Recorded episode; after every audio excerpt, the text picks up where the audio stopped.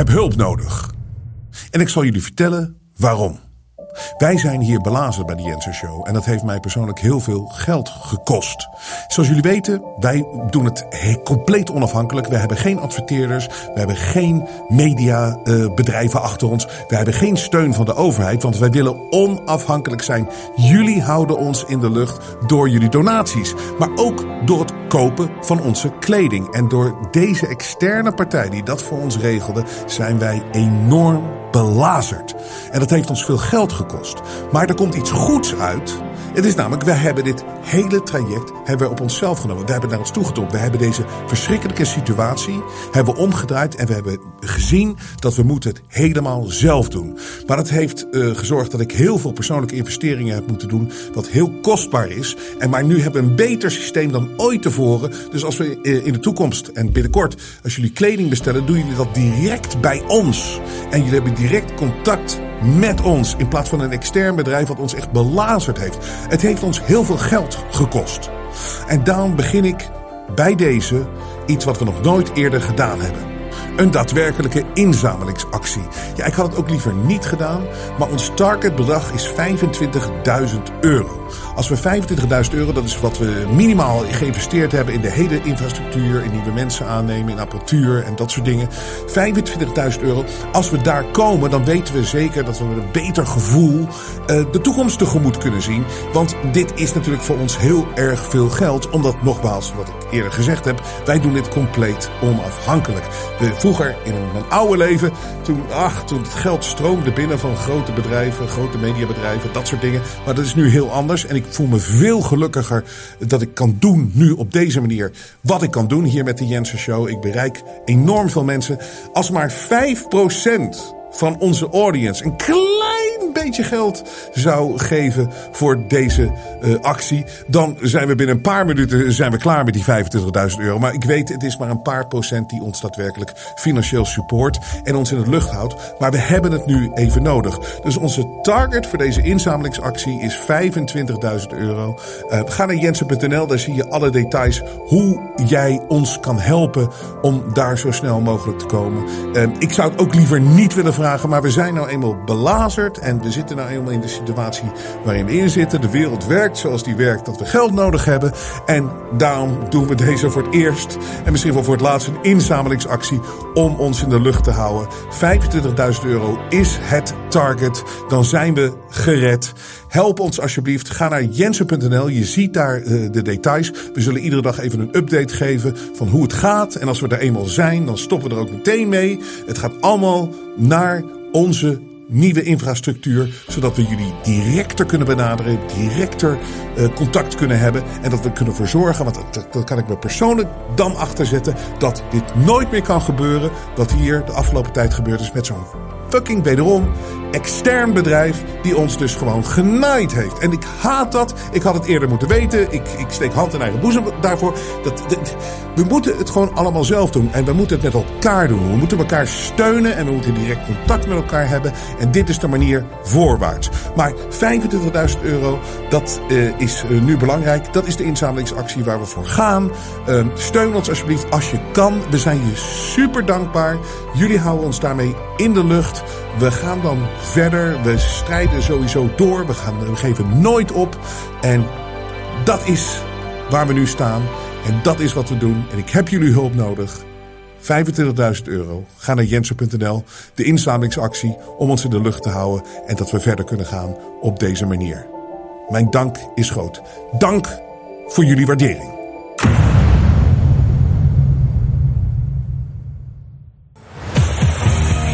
Welkom, strijders voor onze vrijheid en onze rechten. Dit is de Jensen Show. Robert Jensen. Wij hebben niet zoveel gasten in de Jensen Show, dat weten jullie. Maar als we een keer een gast hebben, dan is het iemand waar ik in geïnteresseerd ben. En um, die ik uh, op een bepaalde manier uh, waardeer. Um, en vandaag is het iemand die nog niet zo lang politiek bekend is. Maar het is iemand die uh, de lastige vragen stelt. Iemand die de confrontatie aangaat, waarvan je overduidelijk ziet dat hij op zoek is naar de waarheid. Dat hij een ruggengraat heeft, dat hij niet bang is voor confrontaties.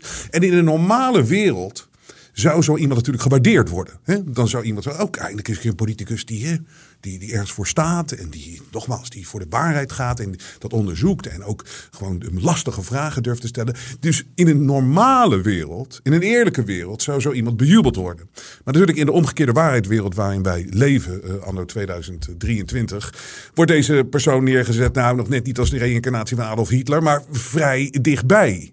Um, dat is natuurlijk compleet onterecht. En daarom leuk om eens een keer langer met deze persoon uh, te spreken. Ook natuurlijk aangezien de verkiezingen eraan komen aanstaande woensdag.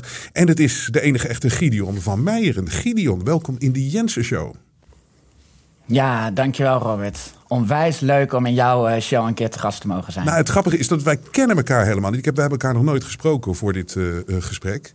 Um, ik, heb, uh, ik, heb, ik, heb, ik heb even met de laatste keer dat Cherry sprak, hebben we het op het laatst even over jou gehad. Uh, dus ik was eigenlijk wel benieuwd waar je vandaan kwam. Zo, dus wil ik wil wat meer over hebben. Maar nogmaals, dit is geen interview, hè, dit is meer een soort van gesprek. Maar ik wil wel een aantal dingen, aantal dingen gewoon weten.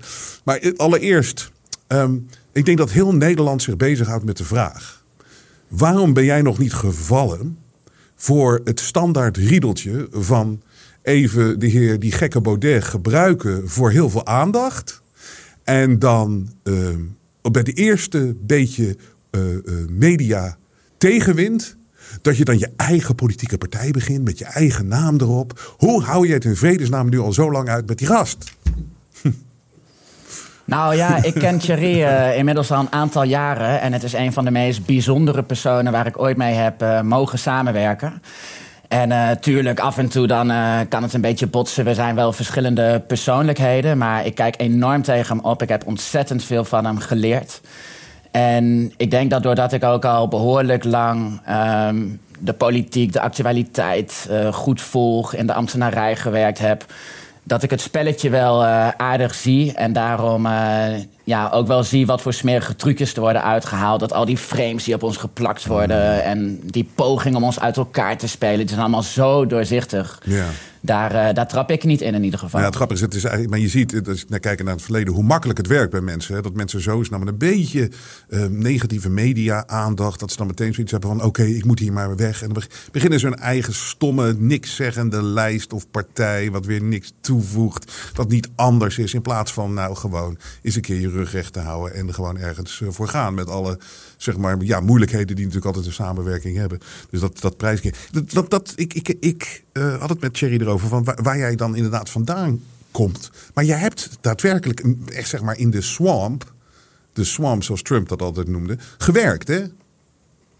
Zeker, ja, ja. Ja, ik ben uh, na mijn rechtenstudie in Nijmegen ben ik gaan werken voor het ministerie van Binnenlandse Zaken. Dat heb ik gecombineerd met een uh, traineeship aan de Academie voor Wetgeving in Den Haag, waar ik ben opgeleid tot uh, wetgevingsjurist. En nou ja, nadat ik twee jaar op het ministerie van Binnenlandse Zaken heb rondgelopen, ben ik aan de slag gegaan bij de Tweede Kamer. Ook als ambtenaar, als wetgevingsjurist, ondersteun je dan alle politieke partijen uh, op een politiek neutrale manier. Dus uh, nee, ik heb behoorlijk wat uh, van binnen gezien over hoe het eraan toe gaat. En dat heeft mij ook alleen maar uh, sterker ervan overtuigd um, hoe nodig het is dat het anders moet. En hoe doordrenkt ook die ambtenarij is van politieke ideologie. Hoe moeilijk het is om je binnen die ambtenarij uit te spreken. Dus ehm, nee, ik denk dat dat wel een mooie achtergrond is, waardoor ik het spel van verschillende kanten heb kunnen zien. En ook weet hoe het eraan toe gaat op die departementen als er uh, vragen gesteld worden. Uh, als er een brief naar de Kamer moet. Hoe de ministers voorbereid worden op hun debatten. Dus uh, nee, ik denk dat dat wel een grote waarde heeft voor mij, waardoor ik mijn werk nu nog beter kan doen. Dat is, het is heel interessant. Om, zeker nu ook hoe je je nu uitspreekt, uh, publiekelijk en de positie die je nu hebt. Dus dat je als ware zo'n zo'n zo'n insider bent geweest. Heb jij daadwerkelijk gezien of geleerd of gevoeld? Of, ik bedoel, je begon toen net en je ziet het misschien nu nog duidelijker. Maar zeg maar, die, die regering binnen een regering. Bijna zeg maar de ambtenarij, maar ook nog krachten daarachter, die er altijd zijn. En die poppetjes aan de voorkant, die verdwijnen altijd. Hè. Die ministers, die, die gaan van de ene de, de, job naar de ander en dan zijn ze weer weg. En die, die verdwijnen, die komen en gaan. Maar er is een soort van regering binnen een regering. Heb je dat zo ervaren? Een overheid binnen een overheid? Nou, wat ik wel gezien heb, dat is de enorme macht die de ambtenarij heeft. Ehm, ministers die weten vrijwel niks. Die komen maar gewoon op hun plek terecht. Uh, niet omdat ze enige kennis en expertise hebben, maar omdat ze altijd loyaal zijn geweest binnen hun partij. Altijd braaf ja geknikt hebben. En het dus verdienen om zo'n bestuursbaantje te krijgen. Maar ja, ministers, dat zijn passanten op die ministeries.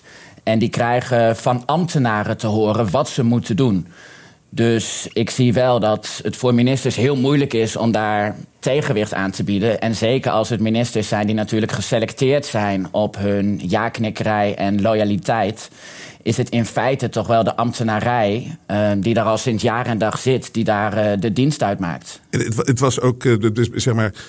inderdaad, ze worden ook geselecteerd, die mensen. Ze moeten niet te goed zijn natuurlijk ook. Ze moeten niet te slim zijn. Ze moeten gewoon meegaan. Ze moeten het zien als een baantje. Vooral dat laatste, ja. Ze moeten het zien als een baan.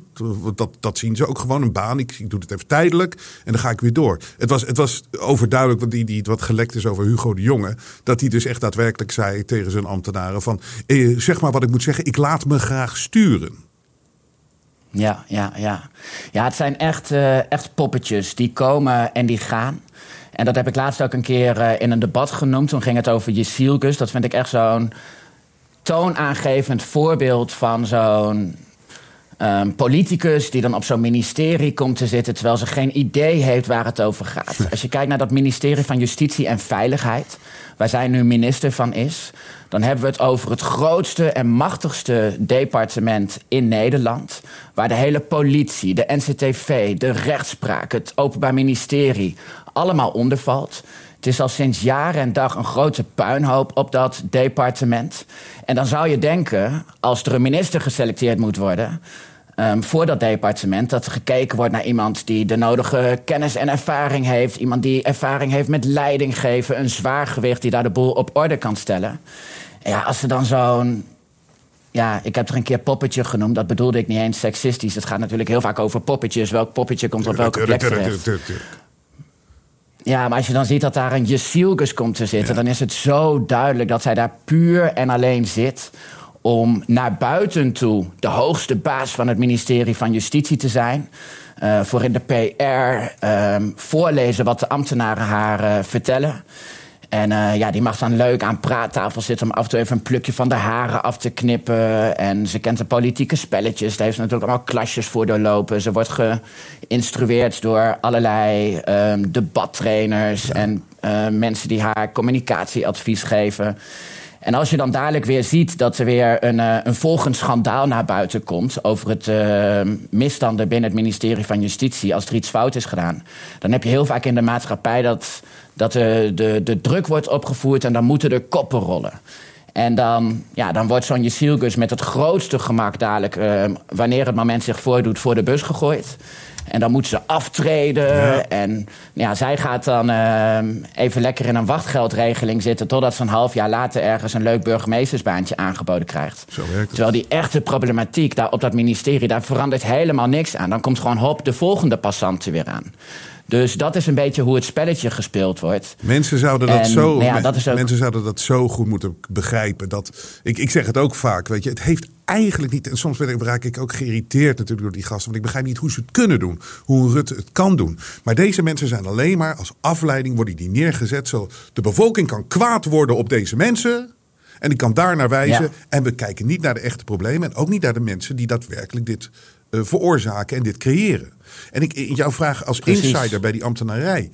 Zijn er, in, uh, zijn er op al die belangrijke functies, zijn daar mensen die er al zo lang zitten, die wij niet kennen, heel veel hoge ambtenaren bijna ook niet kennen, maar die ergens bepalend zijn en er altijd blijven zitten. En die als het ware gezichtloos zijn en ja, naamloos. Ook stels voor mensen die werken op, vrij hoge functies binnen de ambtenarij. Is, dat is mijn gevoel, maar ik weet niet, jij bent een insider wat dat betreft. Heb jij dat ook zo gezien gevoeld? Ja, absoluut. Um, ik heb heel sterk de indruk dat er binnen de ambtenarij al heel goed geselecteerd wordt um, op de vraag of je wel uit het juiste politiek-ideologische bolwerk komt. En nou ja, als je daar een beetje slim mee omgaat, dan kun je natuurlijk in dat hele selectieproces uh, kan er wel eens iemand doorheen glippen die uh, andere opvattingen heeft. Maar je merkt heel snel dat als er uiteindelijk ergens een uh, functie vrijkomt voor afdelingshoofd en je wil vervolgens doorgroeien naar een directeursfunctie of nog hoger in de organisatie komen, ja, dan wordt er natuurlijk heel goed gekeken of je altijd gedurende je hele loopbaan wel netjes hebt uitgelaten. En omdat politiek-ideologische bolwerk in de top van de ambtenarij te beschermen, is er een zogenaamde um, algemene bestuursdienst opgericht. En alle vacatures binnen alle departementen, vanaf het niveau van directeur, die worden opgevuld vanuit die algemene bestuursdienst.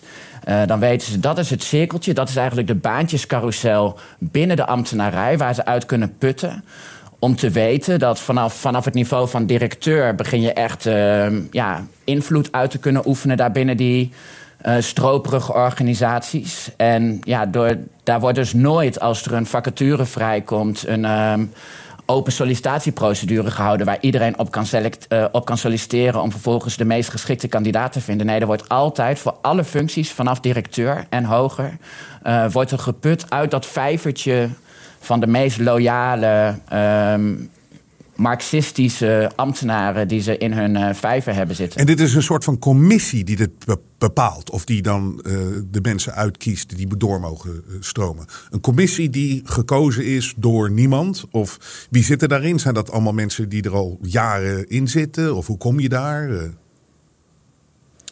Ja, wie precies selecteert wie, die, wie er in die algemene bestuursdienst terechtkomen, dat durf ik zo even niet uit mijn hoofd uh, te zeggen. Nou, maar dit, dit, is ook, uh, dit is ook zo interessant weer. Want dit is het hoogste, ja, dit is het hoogste invloedorgaan binnen dat hele werk in Nederland, hè, dat spel. Maar dan zelfs iemand die er dieper in zit dan, dan, jij kan bijna niet. Maar dan zit jij ook dat je denkt van ja, dat kan ik ook mijn vinger weer niet achter krijgen. Klopt, klopt. Ja, en het wordt natuurlijk heel mooi gepresenteerd van... ja, we hebben een algemene bestuursdienst van ambtenaren... die hun kwaliteiten bewezen hebben. En dat doen we dan om de, de kwaliteit van het bestuur te waarborgen. Uh, maar ja, als je niet in die algemene bestuursdienst meedraait... dan weet je dat je niet op een uh, hoge positie binnen de ambtenarij terecht zult komen. Dat is gewoon onmogelijk. En dit is bijna, ja, dit, dit is één van de handen in de schaduw en die schaduw die is groter, want die gaat natuurlijk ook Europees, die gaat globaal. En daar liggen die linken natuurlijk allemaal. En we zien het niet. En dit is geen conspiracy. We, we, doen rationeler dan dat we het nu zeg maar allemaal doorlopen. Kunnen we het niet doen, ook feitelijker niet. Maar dit is zoals het werkt. En we weten niet wie dat wie, we, we, weten niet wie die mensen zijn en, en, en die, invloed, die deze invloed hebben. Het is mega interessant. En, en daarom goed dat jij. Nee, en wat je ook merkt, Robert, ja. dat is dat zodra je in de Tweede Kamer het ooit hebt over ambtenaren, dan wordt ook direct je mond gesnoerd. Um, die ambtenaren die zijn ook een soort van heilig verklaard. Daar mag je niet over praten. Uh, ik heb zelf een keer uh, Nicky Sterkenburg aangehaald. Want dat is dus een van die hele invloedrijke ambtenaren die bij de NCTV werkt. En nou ja, zij heeft zelf de media opgezocht en in de media allerlei bizarre onzin verkondigd over wat in haar ogen extreem rechts zou zijn. En dan noemt ze dingen als um, mensen die streven naar traditionele man-vrouw verhoudingen. En dat soort onzin. Dat je echt denkt, wat heeft dit nou te maken met extreem rechts? En nou ja, als zij zo'n invloedrijke positie heeft bij de NCTV... de NCTV creëert al die dreigingsanalyses... en aan de hand van die NCTV-analyses... Um, gaan de AIVD, de politie, de MIVD weer aan de slag... En nou ja, als dat soort personen daar op zulke invloedrijke posities zitten.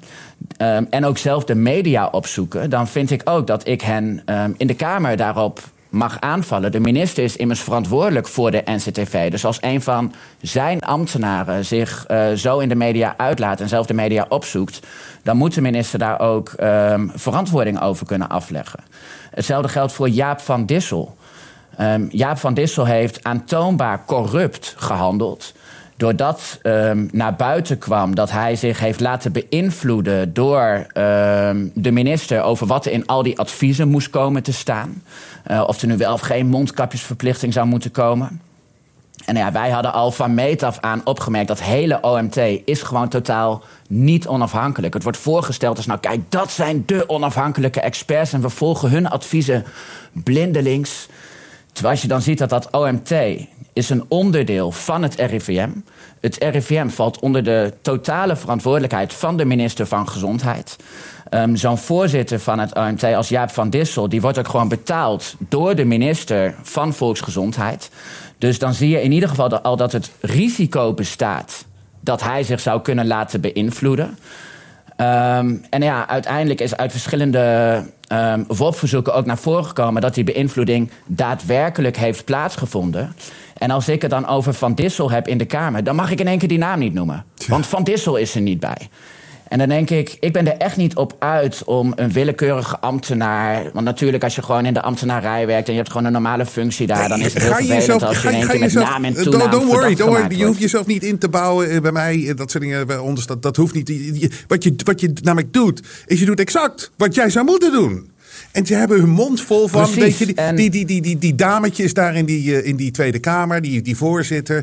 Van meneer, meneer Van Meijeren, in het huis van de democratie. Dit is niet een democratie. Dit is niet een democratie. Dit is niet een democratie. In een democratie werkt het zo. Het kan niet zijn dat iemand in de schaduw uh, weg kan komen met, met, met handelen. En dat dat niet verantwoordelijk gehouden wordt door Nee, maar zeker ook als je, als je het hebt hier over ambtenaren, zoals van, zo'n Van Dissel, die ook zelf een publieke functie vervult. Hij treedt op de voorgrond, hij spreekt met de media. Um, ik spreek hem net zo goed aan tijdens technische briefings. Maar daar mag je dan weer geen vragen uh, stellen die er echt toe doen. Want dan word je weer afgekapt omdat het dan zogenaamd geen technische vraag is. Maar ja, als blijkt dat zo'n voorzitter van het OMT zich gewoon laat beïnvloeden. Dan is hij gewoon niet geschikt voor zijn werk. Dan kan hij kennelijk niet de druk weerstaan vanuit het ministerie. Um, om onafhankelijke adviezen te geven, dan is hij ongeschikt. En de enige persoon die hem kan ontslaan en een nieuw persoon daar neer kan zetten, dat is de minister van Justitie. Dus is het, of herstel de minister van Volksgezondheid. Dus is het van, volstrekt vanzelfsprekend dat ik daar ook de minister van Volksgezondheid voor verantwoordelijk uh, moet kunnen houden. En ja, dat wordt je dan eigenlijk uh, totaal onmogelijk gemaakt. Wat is grappig dat je over uh, hem begint, want. Um, ik, ga, ik ga helemaal een beetje mee dat die ministers allemaal niks weten. En ze luisteren alleen maar naar ambtenaren en dat soort dingen. Maar die, die Kuipers is denk ik wel daar om een reden neergezet. Want die heeft wel een iets ander verleden. Uh, wat is jouw visie daarop? Uh? Ja, ik denk dat ze Kuipers uh, op, de, op deze post hebben neergezet om de indruk te wekken dat er in één keer iemand zit met kennis van zaken. Um, dat er een echte een arts daar komt te zitten. Zodat, um, omdat ja, ook de positie van Hugo de Jonge... die werd totaal niet meer serieus genomen. Steeds meer mensen zagen van ja... hoe kan deze man nu een, uh, een zogenaamde gezondheidscrisis... Um, gaan managen met zijn achtergrond... Uh, maar ook hierbij is wel heel goed van tevoren gekeken of die Kuipers natuurlijk wel uit het juiste kamp komt. En Kuipers heeft zich gedurende dat hele coronaschandaal altijd achter de regering geschaard. En dat ging soms zelfs zo ver dat hij daarmee aantoonbaar de volksgezondheid heeft absoluut, geschaad. Absoluut. Als je bijvoorbeeld kijkt naar die. Uh, als voorbeeld uh, noem ik even uh, de avondklok. Ja. Op enig moment heeft Kuipers, toen hij nog geen minister was, heeft hij in de media verkondigd dat hij al heel snel zag dat de avondklok geen effect had. Gewoon totaal geen effect. Um, en dat heeft hij pas later in de media gezegd. En toen heeft hij gezegd: ja, maar het, het, drong niet door, er gebeurde niks mee en de avondklok werd toch verlengd. En hij zat iedere avond zo'n beetje, zat hij in allerlei praatprogramma's, zat hij het beleid van de regering te steunen. En waarom heeft hij toen nooit een keer zijn mond op, opengetrokken? Waarom heeft hij toen nooit zich uitgesproken en gezegd van hé, hey, die avondklok die werkt helemaal niet? Uh, dus daar heb ik hem ook een keer mee geconfronteerd in de Kamer. Want ja, op deze manier ben je dus willens en wetens uh, hele belangrijke informatie aan het achterhouden. Wat als gevolg heeft dat gewoon een hele bevolking s'avonds thuis opgesloten zit. Um, terwijl dat totaal zinloos is, geen enkele zin heeft. En nou ja, dat neem ik zo'n man enorm kwalijk. En toen ik hierover begon in de Kamer, toen kwam de voorzitter in één keer aan met het argument: ja, dit, uh, dit speelde allemaal voordat de heer Kuipers minister was. Dus uh, ja, de heer Kuipers hoeft hier niet op te antwoorden. Dan denk ik: hallo, het gaat hier over zijn geschiktheid als minister. Ja. En als blijkt dat dit iemand is die zich gedurende dat hele coronaschandaal alleen maar heeft geprobeerd zichzelf naar boven te likken, zo heb ik dat genoemd, ehm, ja, dan is die ongeschikt voor het vak. En nou ja, dat is zeker iets waarvan ik vind dat we dat gewoon bespreekbaar moeten kunnen tuurlijk, maken. Tuurlijk, maar, ja, maar het, het wordt gewoon beschermd. Ze eh, worden, niet op te wachten. ze worden gewoon het hele systeem beschermt al deze mensen. En beschermt, eh, beschermt ze tegen kritische vragen. Dat, dat is, zo, is het spel, zo is het spel gemanipuleerd. De, wederom de omgekeerde waarheidswereld. Want zo zou het niet moeten zijn. Het wordt gezegd dat dit democratie is. Zo, zo werkt het niet in de democratie. Nee, zo werkt het wel in een democratie. maar jij houdt het tegen, de democratie. Ik denk dat Kuipers zelf persoonlijk, eh, als ik uh, in zijn ogen zie, dan is het gewoon een meedogenloze uitvoerder van het plan van het kwaad, zoals ik het zie. Een meedogenloze uitvoerder. En daarom zit hij daar als enige omdat hij. Dit, dit, dit, dit, dit, gaat, dit, is niet oké. Want je ziet, wat jij, jij komt met één voorbeeld, maar zo zijn er zoveel voorbeelden van deze man. Heeft, ja. heeft een meedogenloos kwaad plan uitgevoerd. En hij zit op die functie. En je denkt zelf dat ze gehoopt hadden dat ze verder hadden kunnen gaan. Uh, met alles waar ze de afgelopen jaren mee bezig zijn geweest. Maar door tegengas, doordat er toch andere krachten zijn ontstaan, gaat het nu langzamer. En is het moeilijk voor ze om dat sfeertje weer terug te pakken en terug te krijgen. Um, maar goed, daar hebben we het misschien zo nog wel even over. Je, ik, ik, nee, maar hij voert in ieder geval alles uh, klakkeloos uit. Ja. En uh, ja, zijn precieze intenties, of hij daadwerkelijk zo kwaadaardig is, dat is natuurlijk ook moeilijk om je vingers achter te krijgen. Maar iemand met zijn achtergrond, die moet natuurlijk kunnen zien dat we niet te maken hadden met een uh, levensbedreigend virus, zoals wij altijd al zeiden. Ik weet, het, ik weet dat jij moet ehm, oppassen. Ik weet dat jij soms moet oppassen met wat je zegt. Ik hoef dat niet. Maar het is exact... Nou, ik zeg gewoon de dingen die ik echt hard kan maken. Dat vind ik wel belangrijk. Anders is het natuurlijk heel makkelijk weer van... dan pikken ze er weer één dingetje uit... en dan zeggen ze van oeh, uh, desinformatie. Kijk, sommige dingen weet ik niet. Maar heel veel dingen kun je wel heel aannemelijk maken. En wat je bijvoorbeeld ook gezien hebt bij Kuipers... dat is dat hij um, die onderzoeken waaruit bleek... dat dat hele corona-toegangsbewijs, die QR-code... geen enkele zin had... Uh, dat hij die ook onder het tapijt heeft geprobeerd te schuiven. Dus dat hij in ieder geval niet geïnteresseerd is in argumenten die dat duivelse plan um, ondersteunen. Om, argumenten die daartegen ingaan, om die naar voren te brengen. Die schuift hij onder het tapijt. Dus uh, ja, dat, dat valt hem in ieder geval heel erg te verwijten. Je kan inderdaad, je zei, je het net zelf, dat is, dat is absoluut. Deze mensen weten genoeg. Dat ze weten en wisten dat ze bezig waren met een bullshit verhaal. En wat was het resultaat van hun uh, meedogenloze uitvoering van het plan van het kwaad? Een antimenselijke, onmenselijke, uh, duivelse uh, wereld creëren. Jarenlang voor mensen die dat zelf. De meeste mensen kunnen het niet zien. Een groep die steeds groter wordt, ziet het wel. Maar deze mensen zagen het ook en die hebben het uitgevoerd. Nou, dan heb je, eh, wat mij betreft, je antwoord van hoe deze persoon eh, in, in elkaar zit. ik kan er, kan er weer kwaad over Ik kan er weer kwaad over worden. komt het ook naar buiten, hè? Wat? We hebben in ieder geval gezien nu uit uh, Engeland zie je het nu echt al naar buiten komen. Gewoon zwart op wit. Dat ze daadwerkelijk wisten um, dat maatregelen geen enkele zin hadden. Maar dat ze de bevolking gewoon bang moesten houden. En een beetje lacherig gingen doen. En nou ja, als je ziet dat personen in staat zijn om zonder een greintje empathie, zonder een greintje schuldgevoel, gewoon een beetje lacherig mensen op te sluiten, mensen te vernederen met zinloze mondkapjes waarvan ze weten dat ze niet werken. Kinderen te injecteren met die levensgevaarlijke gentherapie. En nog even een paar boosters erachteraan.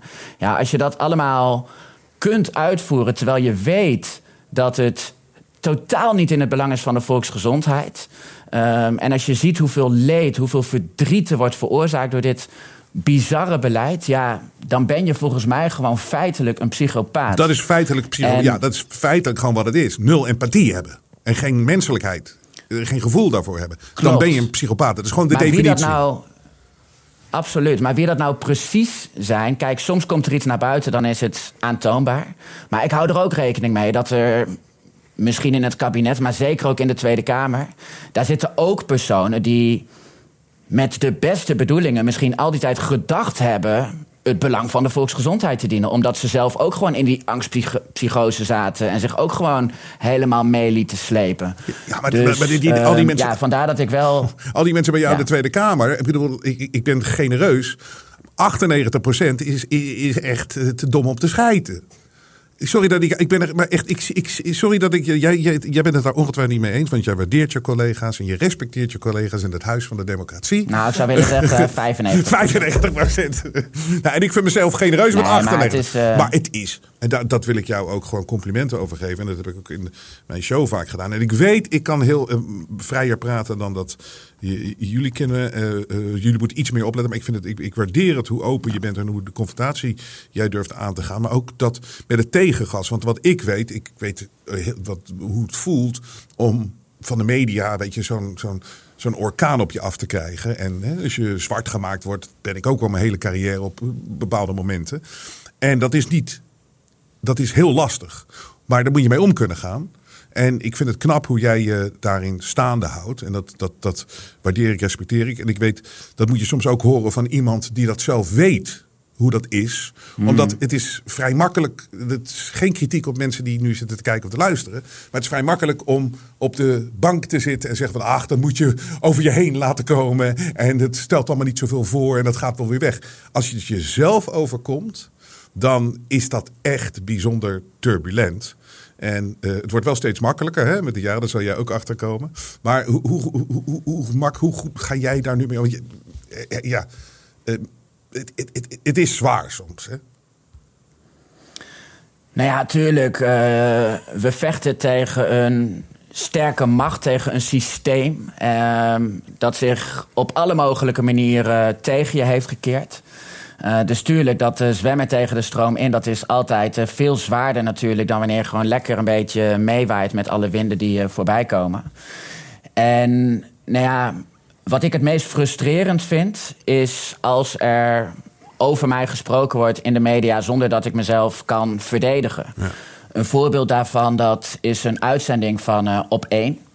Um, waar ze de indruk wilde wekken, waar ze eigenlijk het standpunt verdedigde dat ik bedreigingen aan het adres van mevrouw Gundogan zou hebben toegejuicht of aangemoedigd.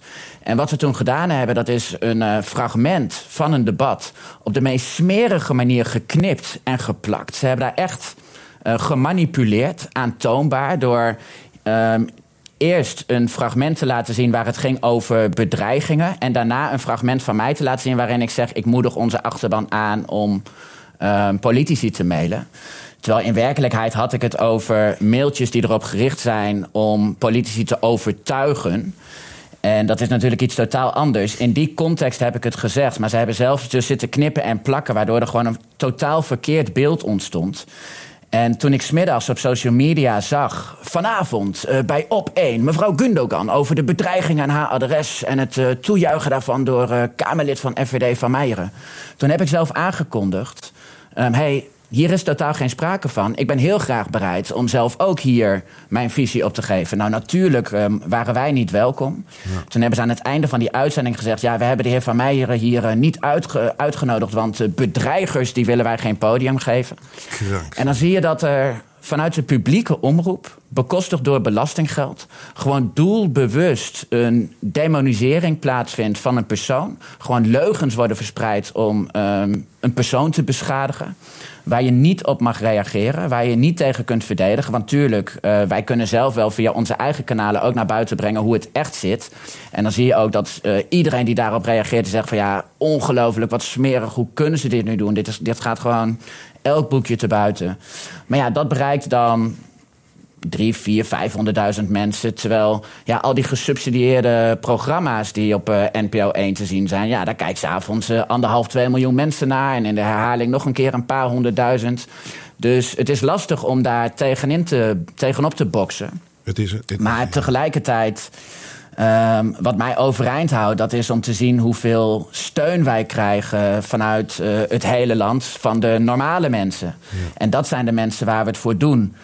En ook in de Tweede Kamer, um, als ik gewoon een eerlijk verhaal vertel waar ik volledig in geloof, waarvan ik ervan overtuigd ben dat het naar buiten gebracht moet worden.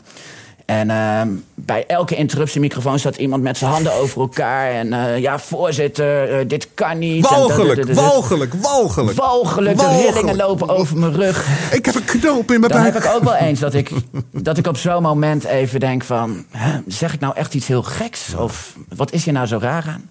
Maar als je dan buiten bent en je komt op straat weer onder normale mensen die je toejuichen en een duim opsteken en op social media mensen positief, dan weet je weer gewoon van ja, gelukkig, dit zijn de mensen waar ik het voor doe. En ja, al die kritiek en die, die media-aandacht, altijd zo negatief. Wat ik een geruststellende gedachte vind, dat is dat de kritiek ehm, op ons, die komt vrijwel altijd van mensen die ik persoonlijk ook verafschuw. Dus dan denk ik, ja, het is eigenlijk een compliment. Als zij gaan zeggen dat wij ons werk goed doen, dan moeten we echt uh, even achter onze oren gaan krabben. Ja, ik had, ik had recentelijk. En, uh, ik had recent, tegelijkertijd. Ja, ik had recentelijk zelf ook natuurlijk die, uh, dat in België, weet je wel, dat gewoon met die, met die rare gast die een aanslag op een misverkiezing wilde doen of zo. En dat had, had ja. iets, gedeeld van mij. En VTM maakte op het nieuws een reportage dat ik hem geïnspireerd zou hebben. En dan komen ze met een fragment van vier jaar geleden dat ik gezegd zou hebben dat het onderwijs iets naar links toe uh, hey, uh, hult. Weet je. En het is, ja, ja, kijk, op een gegeven moment is het ook gewoon te dom Bizar. natuurlijk. Het is natuurlijk wel gevaar, gevaarlijk op een bepaald vlak. Dus je moet even oppassen en je moet... Uh, uh, maar die, die energie die je krijgt van toch gewoon gaan voor de waarheid, die is zoveel sterker. Zeker. En het is bijna, uh, nee, het is niet bijna, het is eigenlijk gewoon een verslaving. Want ik, ik weet niet hoe jij erin zit. Op een gegeven moment moet je ook concluderen in het leven, als we hier toch maar een korte periode zijn. Wat hebben we nou te verliezen? Gaan we nou een beetje zo'n leugenachtige Zeker, wereld? Gaan we ja. nou in zo'n leugenachtige wereld die alleen maar uh, erger en leugenachtiger wordt? Willen we daar nou in leven? Of gaan we gewoon er helemaal voor en we kijken wel welke leuke mensen we hem allemaal meekrijgen? Absoluut, ja. Het is de bekende uitdrukking: uh, liever, uh, liever recht op sterven dan op je knieën leven. En zo voel ik dat ook. Ik zou het tuurlijk, het is enerzijds zwaar. Mensen vragen wel eens, vind je het leuk? Nee, het is niet leuk om dit werk te doen, maar het is zo noodzakelijk. En dat geeft ook voldoening. Inderdaad, de wetenschap dat wij strijden voor het goede en tegen het kwaad... dat geeft in ieder geval het gevoel dat je je leven op een nuttige manier indeelt. En ja, ik heb veel liever dat je op deze manier... Um, dan word je maar beschimpt en bespot. En dat geldt eigenlijk voor volgens mij iedereen die ooit in de geschiedenis een systeemverandering heeft willen bewerkstelligen. Want ja, het systeem zelf zal je op alle mogelijke manieren bestrijden. Maar uh, ja, dat heb ik veel liever dan dat ik me ooit zou moeten gaan uh, laten. Dat ik me ooit zou moeten onderwerpen aan zo'n tyrannieke dictatuur die maar op je afkomt. Daar, daar wil ik gewoon niet in leven. En je dus, ziet, je uh, ziet de, leuk, de leuke, sterke mensen. De, die, de leuke, sterke mensen zijn aan het opstaan. En dat is hartstikke leuk wereldwijd ja. om te zien. En dat is mooi. En dat, dan weet je, we zijn niet alleen. En we hebben sowieso ook Zeker. nog grotere hulp uh, van boven, daar ben ik van overtuigd. Um, en dat is, uh, dus, dus, dus, dus we moeten doorgaan. Over het kwaad gesproken. Uh, de boeren, de boeren, hoe die uh, tegengewerkt worden en hoe die natuurlijk gewoon kapot gemaakt worden voor een grotere agenda. En dat is nu overduidelijk waar dat natuurlijk vandaan komt. Agenda 2030. Ja. En volgens mij hebben ze het nu wat. volgens mij komen ze erachter dat ze het niet gaan halen 2030. Alles is nu 2035 aan het worden. Dus dat is alweer winst voor ons allemaal. maar dit weekend was natuurlijk boerenprotest. Jij was er ook natuurlijk aanwezig. Wat, wat zijn je bevindingen? Wat, wat, wat, wat, wat voelde je daar? Wat gebeurde er? Nou, wat in ieder geval heel goed om te zien is, is dat uh, ondanks alle tegenwerkingen, ondanks alle framing, ondanks alle um, valse signalen dat het heel gevaarlijk zou worden, dat er toch uh, vele tienduizenden mensen aanwezig waren om samen een vuist te maken. Um, waarmee we toch in ieder geval hebben laten zien dat we ons niet laten ontmoedigen, niet laten demotiveren. Um, en ik voelde daar ook echt een gevoel van strijdlust. En het is natuurlijk altijd heel fijn om, om je te omringen met, uh, met gelijkgestemden. Dus uh, ja, dat geeft heel veel hoop. Dat zie ik trouwens op heel veel andere vlakken ook. Um, überhaupt dat onze partij nog steeds gewoon door en door en door blijft groeien. Dat we by far de grootste ledenpartij zijn van Nederland. Dat we ook daadwerkelijk de publieke opinie heel effectief aan het beïnvloeden zijn. Waardoor, als het gaat over stikstof, um, ja, dat standpunt dat um, Baudet in 2019 al voor het eerst in de Tweede Kamer aangaf. Uh, namelijk dat hier een andere agenda achter schuil gaat, dat het grondpolitiek is. Ehm, dat ze de agenda 2030 willen uitvoeren. Dat het niets te maken heeft met natuurbescherming. Dat het gewoon een smoesje is voor een ander doel. Ja, dat was toen een enorme complottheorie. En dan labelen ze je als complotdenken. En dan hopen ze natuurlijk dat ze door je even een corrigerende tik uit te delen... dat je, dat je snel gaat zwichten en denkt van oeh, uh, blijf daar maar weg. En laten we toch maar een beetje gaan praten over of we de stikstofuitstoot... misschien op een andere manier terug kunnen dringen. Want dan ben je een beetje, blijf je binnen de grenzen van het acceptabele... en dan mag je nog meepraten en mee onderhandelen. Maar doordat wij daar niet voor gezwicht zijn... en gewoon keihard zijn blijven zeggen waar het op staat... Uh, zie je heel duidelijk dat wij die publieke opinie zodanig aan het beïnvloeden zijn dat dat, dat standpunt dat stikstof wordt gebruikt als smoesje voor een ander doel, dat dat nu langzaamaan ook begint door te stijpelen naar. Um, zelfs binnen de gevestigde media. In de Telegraaf uh, stond een tijdje geleden al een column van uh, Ronald Plasterk... die gewoon zegt stikstof als smoesje voor een ander doel. Um, vorige week Leon de Winter, een column met vrijwel dezelfde strekking.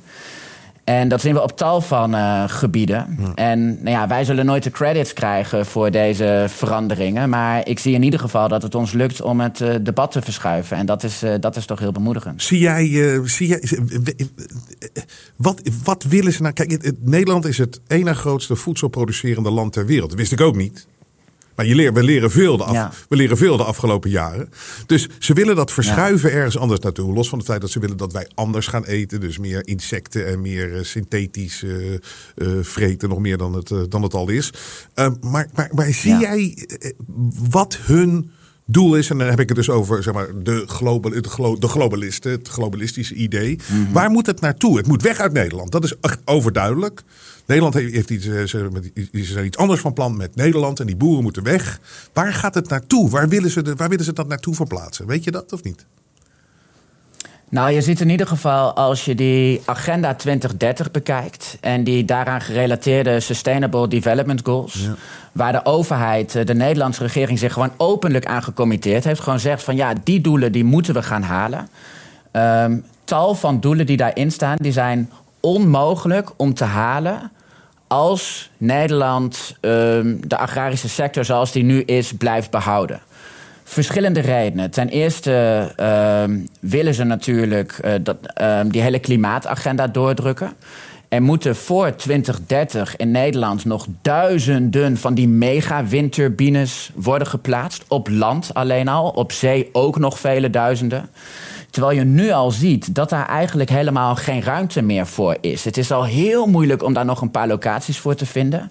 In Zuid-Holland, waar ik zelf ook statenlid ben, zie je nu al dat ze in een beschermd natuurgebied 1014 woningen hebben gekapt om vijf van die megawindturbines neer te zetten. 1014 woningen, hebben neer, stelde, 1014 woningen hebben neergehaald, of zeg je bomen? Nee, 1014 bomen oh, je zei hebben ze gekapt. Okay, ja. Oh, zei ik woningen, sorry. Ja, ja, ja. Nee, ze hebben 1014 woon, um, um, zeg je bijna weer. Ze hebben 1014 bomen gekapt, gekapt in een beschermd natuurgebied um, om vijf megawindturbines te plaatsen.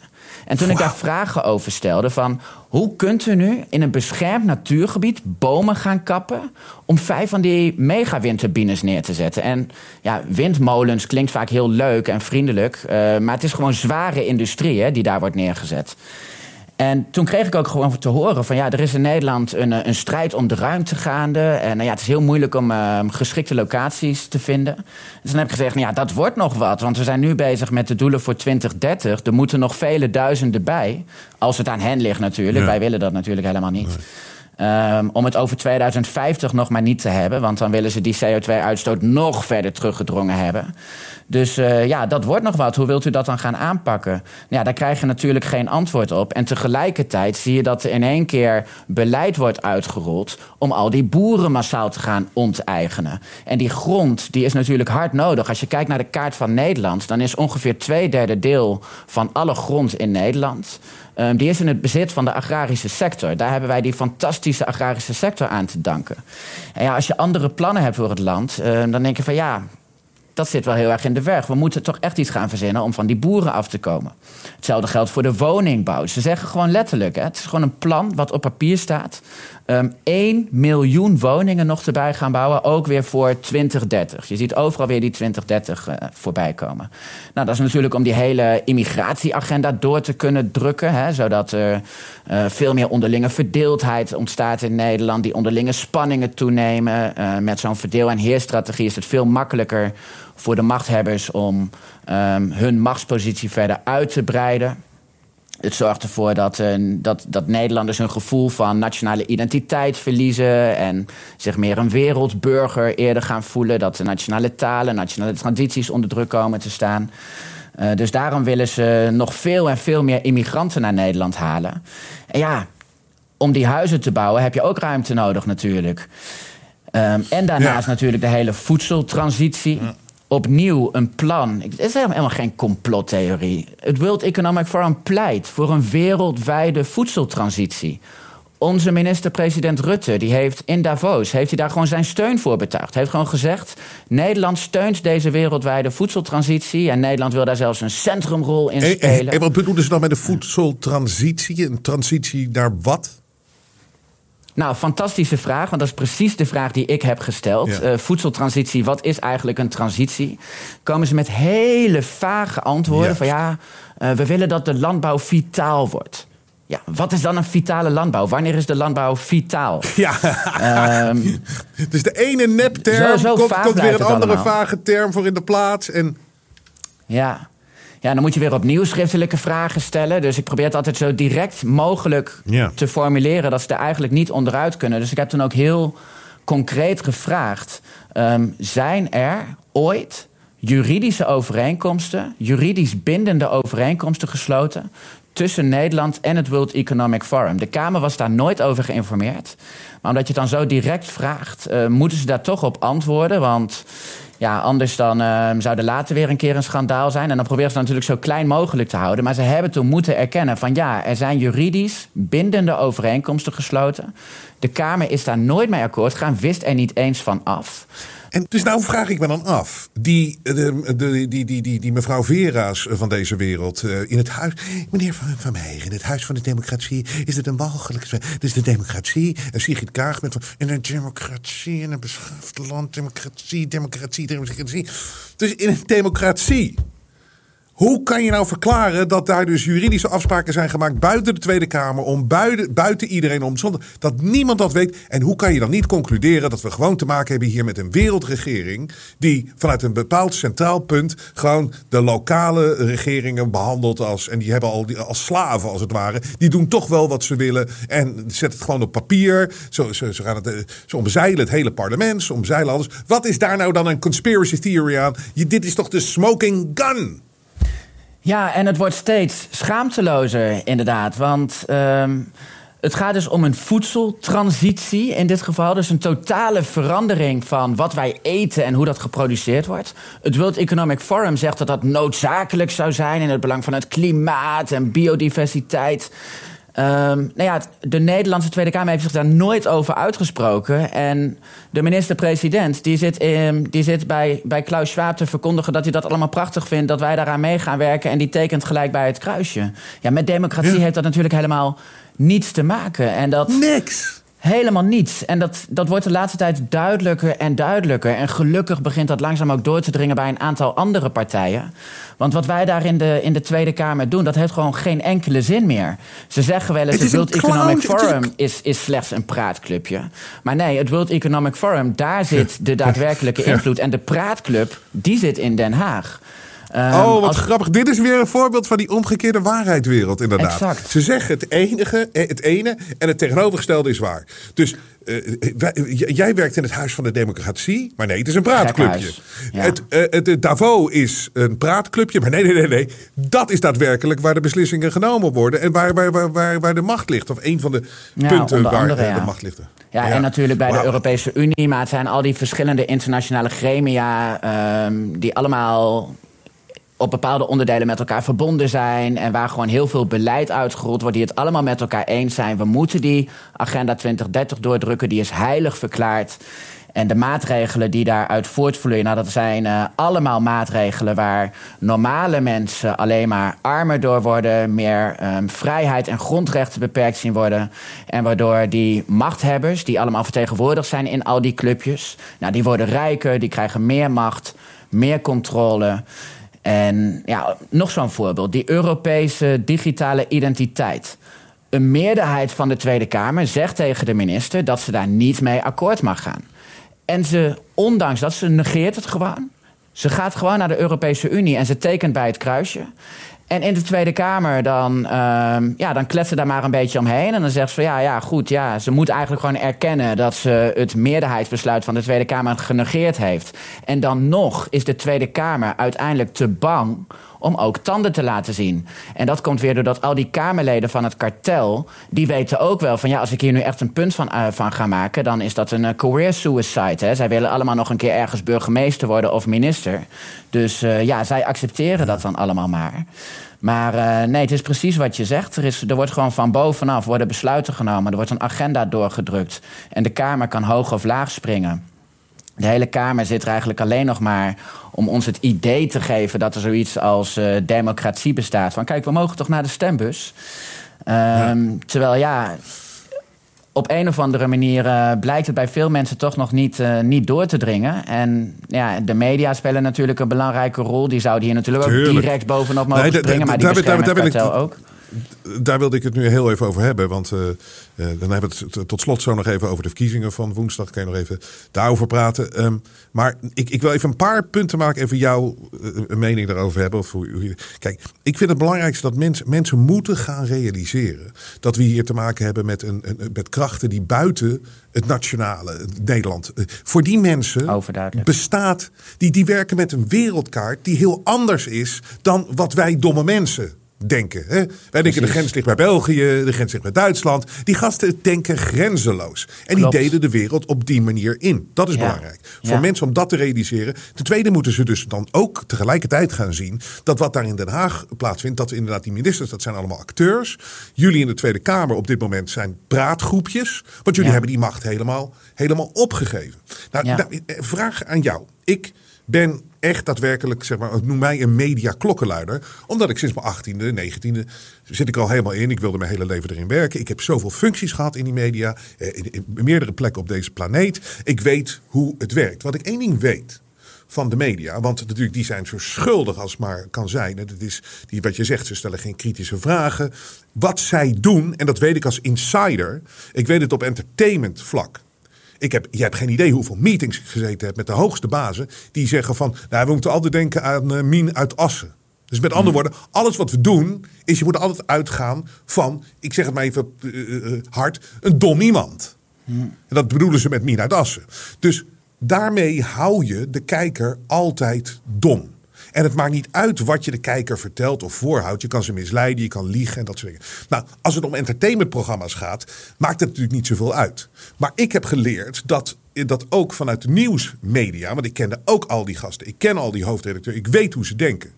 Ze houden mensen expres dom. Absoluut. Ja. Nou, mijn vraag aan jou. Dus ik als media kan dat, kan dat echt bevestigen. En ik heb, ik heb in die meetings gezeten. Ik was daarbij. Ik weet het. Ik heb het gezien. Ik weet dat. Dat weet ik. Nou, mijn vraag aan jou.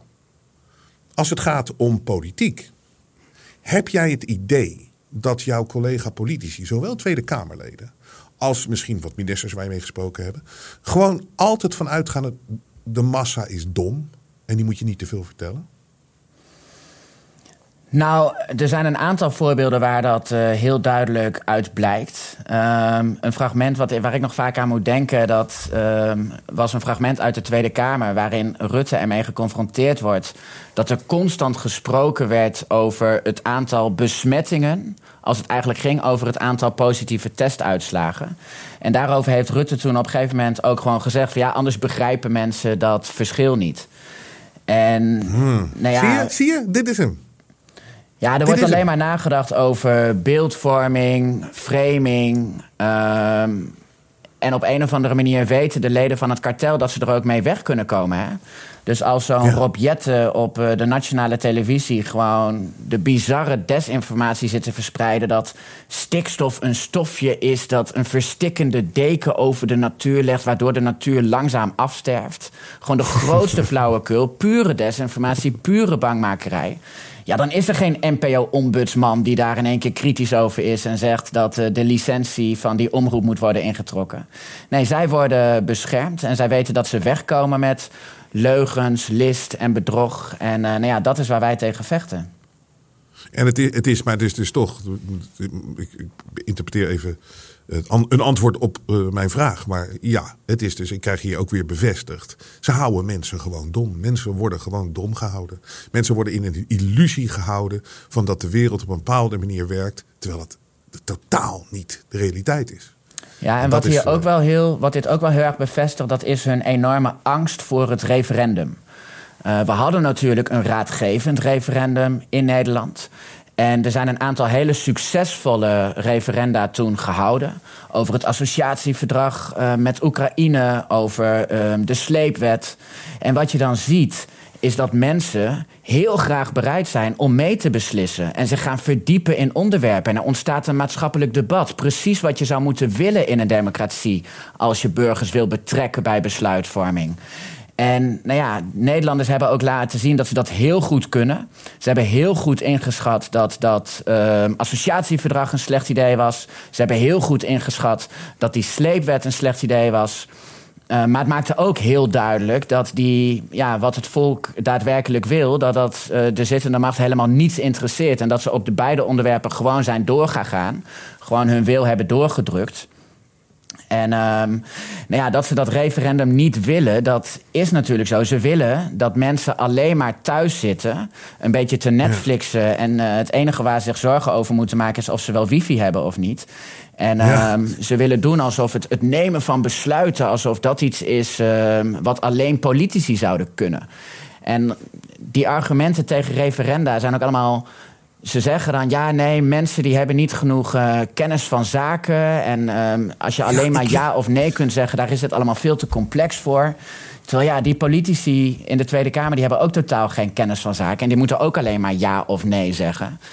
En... Het is zo leuk dat jij hierover begint, Gideon. Want ik heb hier gisteren over na zitten denken. Gisteravond. Mm-hmm. Heb ik over na zitten denken. Want het was een, een, een confrontatie met een tussen aanhalingstekens vriend van mij. Geen vriend van mij, maar iemand die ik al de hele tijd ken.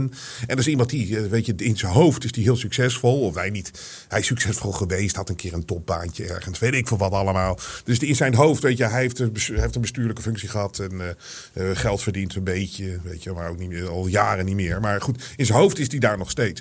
Maar het was zo'n discussie en hij zegt, hij zegt ja, je moet, de, de grote massa moet je nooit laten beslissen over dingen. Nee, dat, ja. moet, uh, dat moet gewoon niet. Nee, weet je, nee, nee, nee, nee, die, die, dat, dat kunnen mensen niet. Nee, dat is heel levensgevaarlijk, levensgevaarlijk. Dan krijg je zo weer de Tweede Wereldoorlog, weet je wel. Mm. En het ding is, ik, ik, ik sta tegenovergestelde, ondanks het feit dat ik schrik hoe makkelijk de grote massa natuurlijk te manipuleren is. Maar ik vind wel, als, in, als je mensen laat stemmen en de stemming is gewoon eerlijk en zo'n referendum, they get it right most of the time. Ja, absoluut. Ik geloof daar echt in. Ik, ik, en en, en er, zijn, maar, er zijn gewoon echt mensen die denken van... je moet de massa dat niet laten beslissen. Laat ze maar lekker dom blijven. Zeker, zeker. Ze willen dat wij gewoon uh, één keer in de vier jaar uh, een vakje rood kleuren. En het liefst dat ja. we dan ook helemaal niet nadenken over daadwerkelijke onderwerpen, maar uh, ons puur en alleen beperken tot: oh, uh, wat komt die man of die vrouw toch altijd zo sympathiek of lekker normaal over? ja. Dat is waar mensen vaak hun stem op baseren bij verkiezingen. Maar dat mensen echt daadwerkelijk gaan nadenken en ze gaan informeren over concrete beleidsthema's.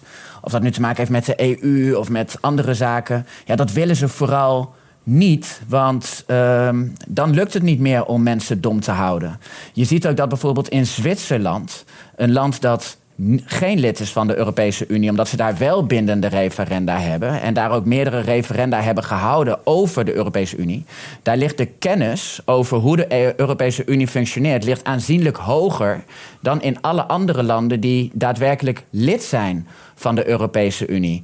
Dus als mensen gevraagd wordt om ergens een besluit over te nemen, dan zijn ze heel graag bereid om zich te informeren. Um, en ja, dat, dat is precies wat ze niet willen. Ze willen dat wij gewoon Bijzonder uh, ja, sterk punt. Bijzonder, ja. bijzonder sterk punt, inderdaad. Van als je mensen gaat vragen om over dingen na te denken, dan gaan ze daadwerkelijk doen. En zeker als de media dan ook daadwerkelijk gebruikt wordt als informatieverspreider ja. en voorziening. En debatten en, en, en feiten van alle kanten, dan kunnen mensen zelf gaan nadenken. Wordt inderdaad Worden mensen slimmer? Gaan mensen meer inzien? Is het nog Precies. steeds een leerproces voor heel veel mensen? Maar het is tenminste de, de groei de juiste kant op. En Precies. exact, dat is niet wat ze willen. Nee. Ze willen obedient, obedient workers. Geef ze brood Anyways. en spelen en wij gaan gewoon lekker onze eigen gang. En uh, dat is hoe zij denken. Maar wat, wat dat vind ik zo erg aan die, aan die gasten. De laatste die, die dan zo arrogant, weet je wel. Van ja, dan moet je de, de grote massa, moet je dat niet laten. Nee, dat moeten andere mensen beslissen. Maar hij vergeet dat de mensen die dat dan gaan beslissen die hebben ook zijn interest niet at heart. Dat is gewoon een, een, een, een kwaadaardig, uh, uh, triljardairs clubje van daadwerkelijk psychopaten. Die de macht naar zich toe getrokken hebben via het bankaire systeem, via al die systemen. En die er helemaal niet voor hem ook zijn. Dat nee, weet zo'n gast ook niet. Dat vind ik ook zo raar dat als je twijfelt aan de goede bedoelingen van de zittende macht, dan ben je al heel snel een complotdenker. Terwijl het natuurlijk heel vanzelfsprekend is dat mensen hun eigen belangen willen dienen. En ik heb een keer een vraag gesteld over Bilderberg, die Bilderberg-conferentie. Waar de machtigste personen op aarde ieder jaar bij elkaar komen, volledig in het geheim. Um, er is wel pers uitgenodigd, maar dat zijn alleen maar de grote spelers uit de pers uh, die de lijnen uitzetten, maar die mogen daar niet over naar buiten treden. En dan zegt de minister met droge ogen tegen mij dat daar um, nagedacht wordt over hoe de wereld kan worden verbeterd um, voor de bevolking. En dan denk ik dat is zo ongelooflijk naïef, want er zit natuurlijk een heel erg um, conflict tussen de belangen van de normale mensen en de belangen van de elite. Dat, die hebben niet dezelfde belangen. En het lijkt me heel aannemelijk, logisch eigenlijk zelfs, dat die machthebbers die daar samenkomen uit, van het militair-industrieel complex, uit de financiële wereld, uit de politiek, uit de media, uh, big tech. Um, dat zij nadenken over hoe kunnen we onze eigen belangen behartigen, onze eigen macht, onze eigen controle vergroten. En het is heel onwaarschijnlijk dat zij daar zitten met z'n allen in het geheim om te zeggen: Nou, hoe kunnen wij nou eens deze wereld beter maken voor de, voor de gewone mensen? Totaal krankzinnig. Ik heb, het ook, krankzinnig. ik heb het ook zo vaak als voorbeeld gezegd. Moet je kijken, dan zit je Mark Rutte oud-medewerker personeelszaken van Unilever. Hmm. De enige man was die op die afdeling. Hij was de enige man op die afdeling. Alleen maar vrouwen en Mark Rutte. Als je, als, je, als je een afspraak had met een man bij personeelszaken bij Unilever, dan was er maar één iemand, dat was Mark Rutte. en, um, en die is dan nu minister-president. Hmm. En die gaat dan zogenaamd onderhandelen met triljonairs. Ja. Met de meest machtige mensen ter wereld. En hij vertegenwoordigt de belangen van de Nederlandse burger daarin? Schijn nou toch uit, het is een joke. Hey, woensdag, hoe staan jullie ervoor? Uh, heb je nog een boodschap? Wil je nog wat zeggen? Gooi je propaganda erin. Come on! Nou ja, we zijn ongelooflijk lekker bezig. Uh, we zitten midden in de campagne. We gaan het hele land door. Uh, ik vind het zelf altijd een hele leuke tijd, die campagnetijd. Uh, je ontspreekt zoveel mensen en je voelt echt die laatste week dat het enorm begint te bruisen. De energie, de sfeer in al die zalen, die is fantastisch. Ook als we onderweg de weg op gaan met onze grote forumbus. Uh, auto's die langsrijden, allemaal toeteren, klaksoneren. Die zalen staan allemaal tot de nok toe gevuld. Op social media zie je dat we alle andere partijen domineren. Dus uh, ja, ik heb er een veel en veel beter gevoel over dan wat uh, de gevestigde media ons willen doen laten geloven. Heel veel vertrouwen in een heel mooi uh, resultaat. Natuurlijk wel heel belangrijk dat mensen ook daadwerkelijk gaan stemmen. Ik zie hier en daar ook wat berichten verschijnen uh, dat we niet moeten gaan stemmen omdat het allemaal toch geen zin heeft. Maar ja, degene die daar de meeste baat bij hebben, dat zijn juist de Ruttes en Kaars van deze wereld. Die lachen zich kapot als ze horen dat mensen uh, van plan zijn om niet te gaan stemmen. Het zou me zelfs niks verbazen als bepaalde diensten dat soort sentimenten juist aan het voeden zijn. Want wat willen ze graag dat wij thuis blijven? En uh, nee, ik zeg, als je het kartel echt pijn wil doen en echt een harde klap wil uh, uitdelen, dan moet je sowieso gaan stemmen. En dan vanzelfsprekend op de enige partij die ook echt gevreesd wordt door de macht. Stem dan niet op zo'n zogenaamde oppositiepartij uh, waarvan de media en de gevestigde orde zegt: kijk, dat is de oppositie, stem daarop. Nee, dat willen ze maar wat graag om al die onvrede te kanaliseren naar een partij waar ze vervolgens gewoon mee om tafel gaan zitten om hun agenda gewoon uit te rollen. Uh, nee, stem op de partij die het echt anders wil, die een echt alternatief biedt. En dat is vanzelfsprekend Forum voor Democratie. Kijk, en de twee duimen omhoog op het end ook. Dit is een perfecte, perfecte, perfecte pitch. Gideon, ik uh, vond het uh, zeer leuk je even gesproken te hebben zo op deze manier. Wederzijds. Uh, volgens mij, volgens mij ben je een goede gast, maar we blijven je in de gaten houden. We blijven je in de gaten Tuurlijk. houden. Ja. Ik waardeer waar je mee bezig bent. En ook geheel we spreken elkaar weer. Zeker, ja, heel erg We spreken elkaar, Gideon. Yes. Dankjewel. Bedankt, dag. De media toont zijn ware gezicht. Maar Robert Jensen buigt voor niemand. Steun het echte geluid via jensen.nl en wees onderdeel van de vooruitgang.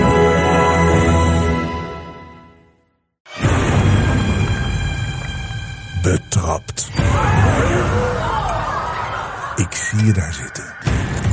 Waardeert de Jensen Show. Je kijkt altijd. Je luistert altijd. Je bent blij dat we er zijn. Maar je hebt ons nog nooit gesteund. Nog nooit gedoneerd. Nooit gedoneerd. En zoals je weet, karma is a bitch. Als je niet snel je leven betert, dan gaan er verschrikkelijke dingen gebeuren de komende tijd. Bijvoorbeeld dat je midden in de nacht wakker wordt en er staat opeens Sigrid Kaag in de hoek van de kamer. Je doet de huiskamerdeur open en opeens zit die pratende teelbal Klaus Schwab op de bank. Great reset.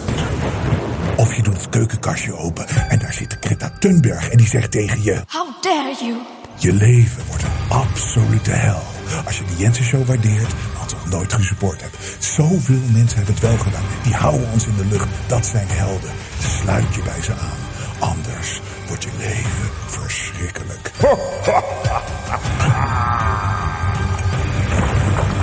Steun het echte geluid via jensen.nl en wees onderdeel van de vooruitgang.